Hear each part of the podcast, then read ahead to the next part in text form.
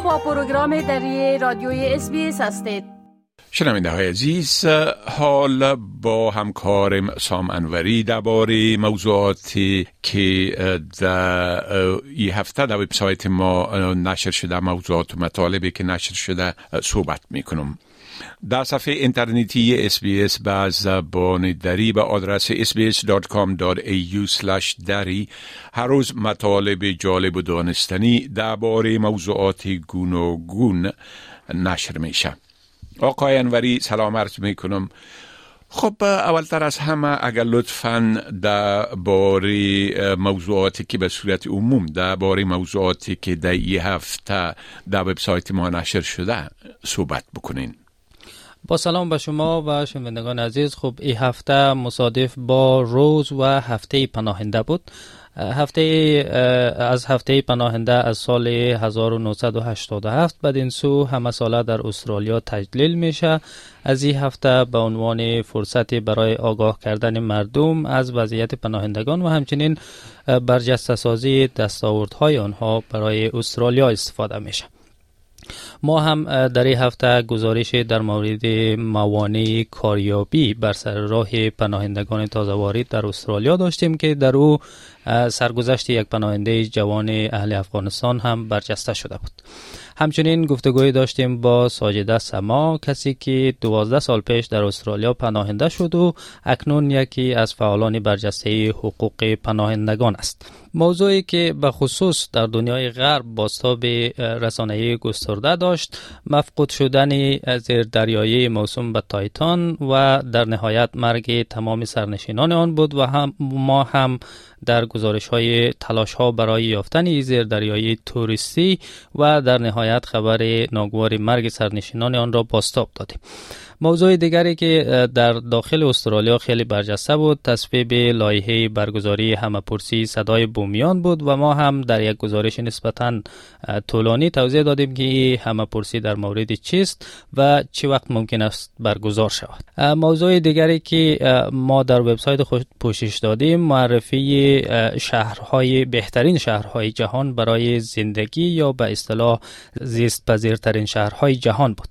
سازمان به نام واحد اطلاعات اکونومیست هر سال شهرهای جهان را بر اساس کیفیت زندگی شهری آنها ارزیابی و ردبندی می‌کنه که در ردبندی امسال چهار شهر استرالیا چندین پله بالا آمده و دو شهر هم در میان ده بهترین شهر جهان برای زندگی. قرار گرفتند همچنین در این هفته دو تا از قسمت های تازه سلسله درس های انگلیسی اس را منتشر کردیم که به شنوندگان عزیز توصیه می‌کنم اونها را از طریق وبسایت ما یا اپ هایی که از طریق اونها پودکاست میشنوند دنبال کنند.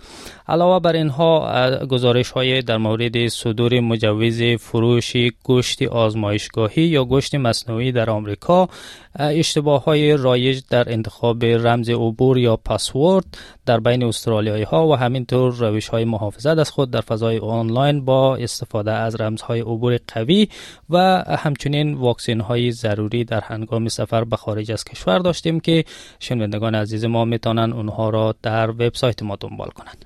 بله خب از پیدا شدن آثار زیردریایی که مفقود شده بود گفتین و همچنان مرگ سرنشینانشان. اگر در این باره یک مقدار تفصیلات بتین. بله زیردریایی توریستی یا گردشگری تایتان روز یکشنبه گذشته تاریخ 18 جون با پنج سرنشین برای سفر به عمق دریا و بازدید از بقایای کشتی تایتانیک در اقیانوس اطلس به آب انداخته شد و حدود یک ساعت و 45 دقیقه بعد تماس خود را با کشتی مادر از دست داد.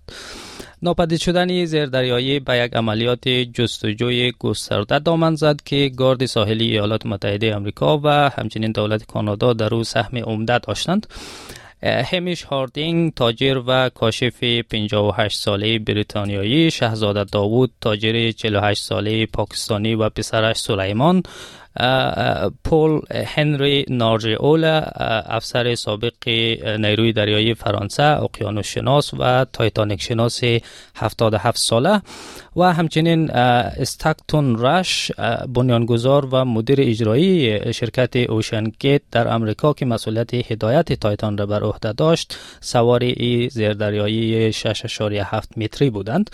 عملیات جستجو در نهایت روز پنجشنبه با کشف میدانی از قطعات زیردریایی در فاصله 488 متری لاشه کشتی تایتانیک در عمق 4 کیلومتری خاتمه یافت و گارد ساحلی آمریکا اعلام کرد که تمام سرنشینان زیردریایی در نتیجه یک انفجار فاجعه بار درونی جان باختند. بله خب همچنان از ردبندی بهترین شهرهای جهان. برای زندگی گفتین که دو شهر استرالیایی هم در این ردبندی در مقام سوم و چهارم قرار گرفتن. بله. بله همونطوری که قبلا اشاره شد واحد اطلاعات اکونومیست که یک سازمان مستقر در بریتانیا است هر سال یک نظرسنجی را برای ردبندی شهرهای جهان از نگاه کیفیت زندگی انجام میده.